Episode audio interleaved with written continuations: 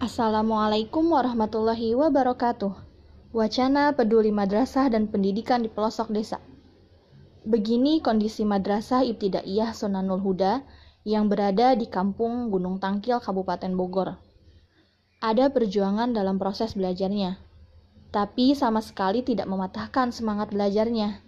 Insya Allah, dari merekalah lahir penerus generasi di negara kita. Yuk, bantu adik-adik kita untuk mendapatkan pendidikan yang lebih layak, agar adik-adik di sana lebih semangat lagi belajarnya. Ambil peran terbaikmu dan berikan bantuan terbaiknya. Jazakumullah khairan. Wassalamualaikum warahmatullahi wabarakatuh.